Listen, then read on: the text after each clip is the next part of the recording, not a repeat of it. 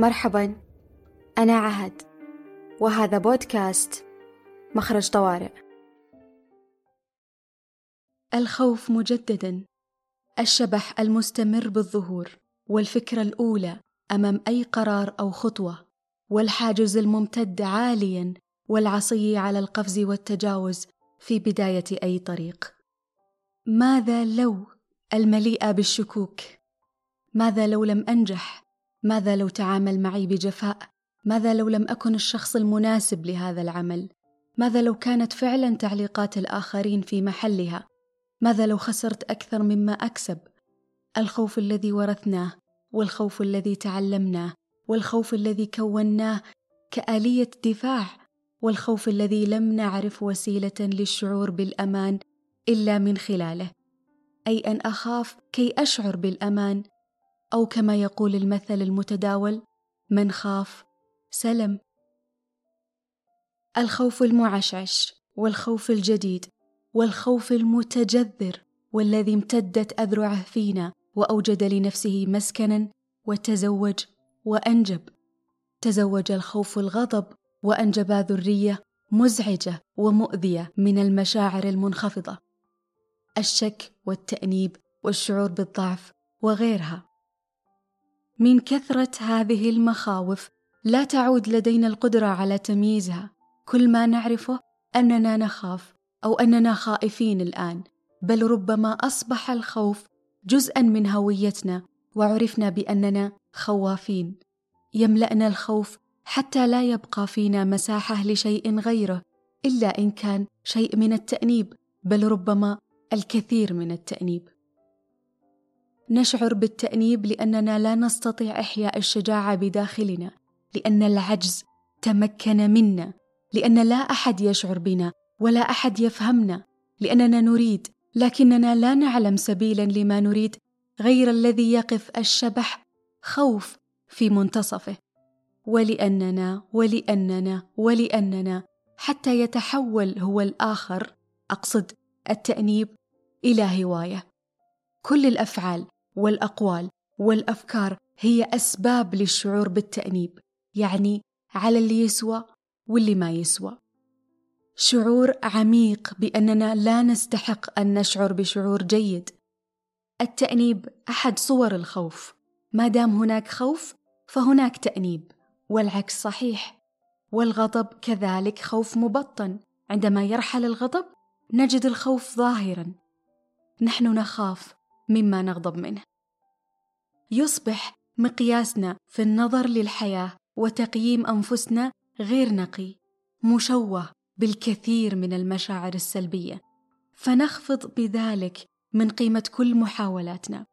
نشعر أننا الوحيدين الذين يحملون تلك الخلطة المعقدة من التأنيب والخوف والغضب في صدورنا والوحيدين الشاعرين بالعجز والغير قادرين على التقدم أو إحداث أي تغيير بسبب خوفنا. متجاهلين أن الآخرين كذلك لديهم نقاط ضعفهم وقوتهم ولديهم قصصهم ولديهم ما يخافون منه وما يؤنبون أنفسهم عليه وما يغضبون لأجله. كوننا نرى ما نفتقده في أنفسنا فيهم أو أننا نشعر بالسوء في حضورهم لأنهم استفزوا شيئا ما فينا استفزوا قوتنا أو حققوا ما نرغب نحن بتحقيقه لا يعني أنهم أفضل منا أو أننا فشلنا أو أننا سنظل دائما هكذا. الأفضلية هنا نسبية أو لعل الأفضلية دائما في كل الأحوال نسبية تحكمها قيم الشخص وهدفه من التقييم قبل التفضيل. تعلمنا أن نحب ما نحبه ونخاف مما اعتقد الأغلب أنه يجب الخوف منه. تعلمنا متى وكيف نغضب بل وعلمنا كيفية العيش. عملية التخويف مستمرة من حولنا. الخوف من وسائل السيطرة. أخوفك عشان أتحكم فيك وعشان تصدقني وعشان تعرف إني أمانك الوحيد. إن كنت من المستمعين الأوائل لمخرج طوارئ فستتذكر أن هذه ليست المرة الأولى التي أتحدث فيها عن الخوف. تحدثت عنها سابقا تحديدا في أكتوبر 2020 أي قبل أكثر من عامين. كانت أكثر حلقاتي تفاعلا ودافع لكثير من مستمعيني الأعزاء للتواصل معي. وصلتني تعليقات كثيرة. أنت قلتي اللي في بالي. بعد هذه الحلقة رحت أسمع باقي حلقاتك. أعرف وعشت كل كلمة قلتيها. لمستي شيء بعمقي. وكثير تعليقات أكثر مما يمكن مشاركته. بعدها عرفت أني تحدثت على لسان الجميع بمعنى أني الشخص الذي استطاع أن يعبر عن تلك المشاعر وأتيح له خيار المشاركة مع الملأ. أكثر حلقة ترددت في نشرها هي أكثر الحلقات تفاعلا وأثرا في المستمعين والرسائل لا تزال تصل حتى الآن. ولعل هذه هي النقطة الأولى التي منحتنا جميعا الأمان. أنا مش لوحدي. وأنتم مش لوحدكم. إحنا كلنا مع بعض وبظهر بعض. أدركت بعدها أن طعم الخوف واحد وهذا ما يجعلني أعتقد أننا نشعر جميعنا بخوف نتشاركه وهو جزء من خوف واحد. لم نتقاسمه بيننا بل عرفناه فأصبح متنقلا نتبادله دون وعي. وكأنه جسد واحد أو هالة واحدة تترك أثرها في البشر حسب استجابتهم. سحر أو لعنة ما لعنة الخوف. وإما إنها كذلك أو إني لازم أخفف متابعة مسلسلات خيال علمي. ذكرني هذا بمشهد من مسلسل Stranger Things. لما ظهر ذاك الشيء من العالم المقلوب كجسد شبيه بالعنكبوت طويل الأذرع وله جذور. وكان له تأثير أو أثر في ويل وفي شخصيات أخرى خلال الحلقات. مثل الورم الذي لابد أن تستأصله قبل أن ينتشر فيك. بمعنى أن عمر ما يكون له أي فائدة على الرغم من أني مؤمنة أن كل حدث له وجهين إيجابي وسلبي إلا أن الإيجابية الوحيدة من الشعور بالخوف هي معرفة الشجاعة حين مواجهته وزيادة رصيد الحكمة والأمان وتقدير الذات تدريجيا عند اجتيازه. والقدرة على مساعدة من يشعر به. نتحدث عن الخوف دائما على أنه عدو شيء غير مقبول ومرفوض. هل من الممكن أن يكون له فائدة؟ هل من الممكن أن يكون في بعض الأحوال طبيعي؟ أو بالأصح ما هو الخوف الطبيعي ومتى يكون غير طبيعي؟ أعتقد أن الخوف يصبح غير طبيعي عندما يتحول إلى عائق. أو أن تكون ردة الفعل أكبر من الفعل نفسه بمعنى تضخيم الشعور. هنا يكون غير طبيعي أو فوبيا. سأترك التفاصيل والتشخيص للمختصين لكن من وجهة نظري أن الخوف غير الطبيعي تتعرف إليه وتعرفه إذ أن الشعور واحد في مختلف المواقف.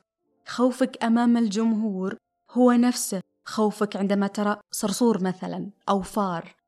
إن كنت تخاف من الحشرات نفس ردة الفعل الجسدية نفس الهلع وضيق التنفس ومغص البطن. تم تصنيف المخاوف ودراستها وهي كثيرة جدا إلا أنها في الأصل تتفرع من ثلاثة مخاوف أساسية. إما خوف من الألم أو المعاناة أو خوف من الموت أو الخوف من فقدان التحكم. كل المخاوف بالمجمل تعود لهؤلاء الثلاثة.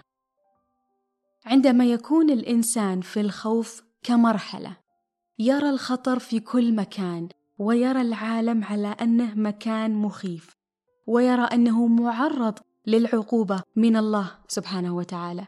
أي أن حتى العلاقة مع الإله يحكمها الخوف الشعور الغالب هو القلق والفزع والسلوك هو الانسحاب من الحياة. والتعامل مع الآخرين كذلك يكون فيه تخويف. والسؤال هنا كيف أخرج من هذه المرحلة؟ وهل معرفة الأسباب التي وصلتني لها ستساعدني للخروج منها؟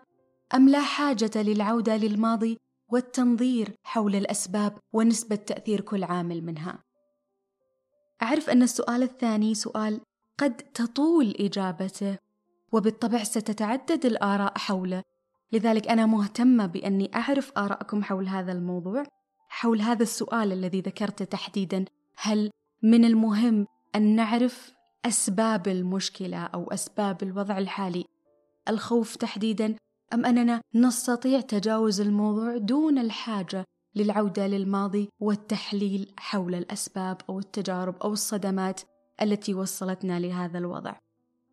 ولعله سيكون لنا حديث حول هذا الموضوع في حلقات قادمة من مخرج طوارئ مع أحد المختصين. لكن أولا دعونا نبني أساسيات ننطلق منها. واحد تعاملنا مع الخوف واستجابتنا له مختلفة. في منا اللي كبته وقال خلاص إحنا كبرنا وفي منا اللي ما أعطاه مجال وغطاه بشعور آخر مختلف كالغضب الرغبة وفي منا اللي ظهر عليه كمشاكل جسدية وصحية إلا أن الأصل هو الشعور به والسماح له بالعبور من خلالنا.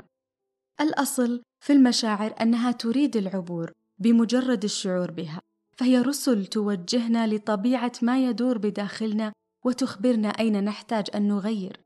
في التعامل مع المشاعر لابد أن نتوقف عن المقاومة ونسمح للخوف بالرحيل. والسماح هنا خطوة عملية غاية في البساطة ومن شدة بساطتها لا نستوعب أثرها. الفكرة فقط في أن نقبل أننا نشعر بهذا الشعور ونعيشه لنهايته. نقبل أننا نخاف وأن للخوف هذا الأثر في أجسادنا. هو ببساطة سيعبر وسننتقل لشعور أعلى. اثنين ما هو عكس الخوف؟ عكسه الحب للأمان والحب سيد العلاجات من الممكن الحصول عليه من مختلف المصادر. كافة المشاعر لا تنحصر بمصدر واحد. أسمعك يا من تشعر بالأسى على نفسك كونك سنجل أو غير مرتبط أو مرتبط وشريكك مش حاس فيك.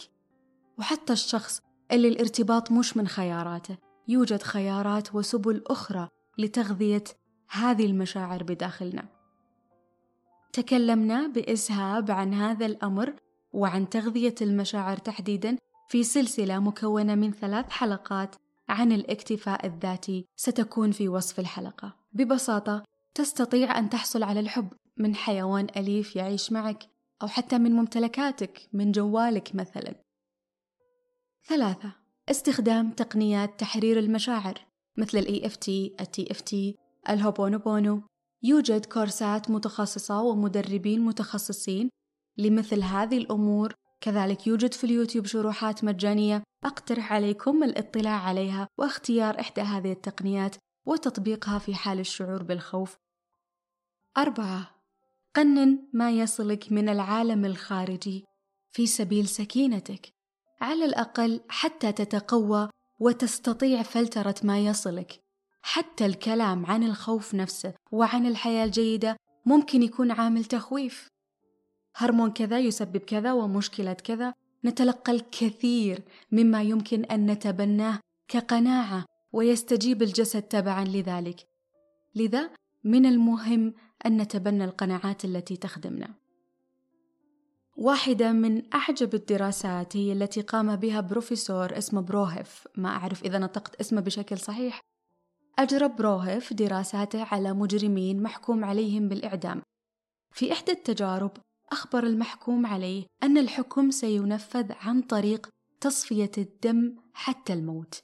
واللي حصل بعيدا عن الدخول في التفاصيل هو أن جسد هذا الشخص استجاب وكأنه تمت تصفية دمه فعلا.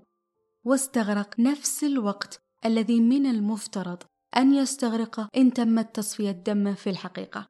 فقط لأن عقله صدق هذه الفكرة استجاب الجسد الفيزيائي لأوامر العقل. بإمكانكم الاطلاع على تفاصيل هذه التجارب أونلاين تحت عنوان تجربة بروهيف. النقطة الخامسة والأخيرة. من حسنات مواجهة المشاعر وتحريرها هي أنها متسعة الأثر وبالجهد القليل.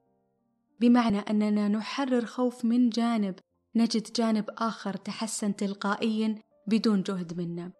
نطور أنفسنا في أمر نلقى مخاوفنا اختفت بدون جهد منا كل خطوة نأخذها في تطوير ذواتنا أو جانب ما من حيواتنا يكون لها أثر ممتد في باقي الجوانب.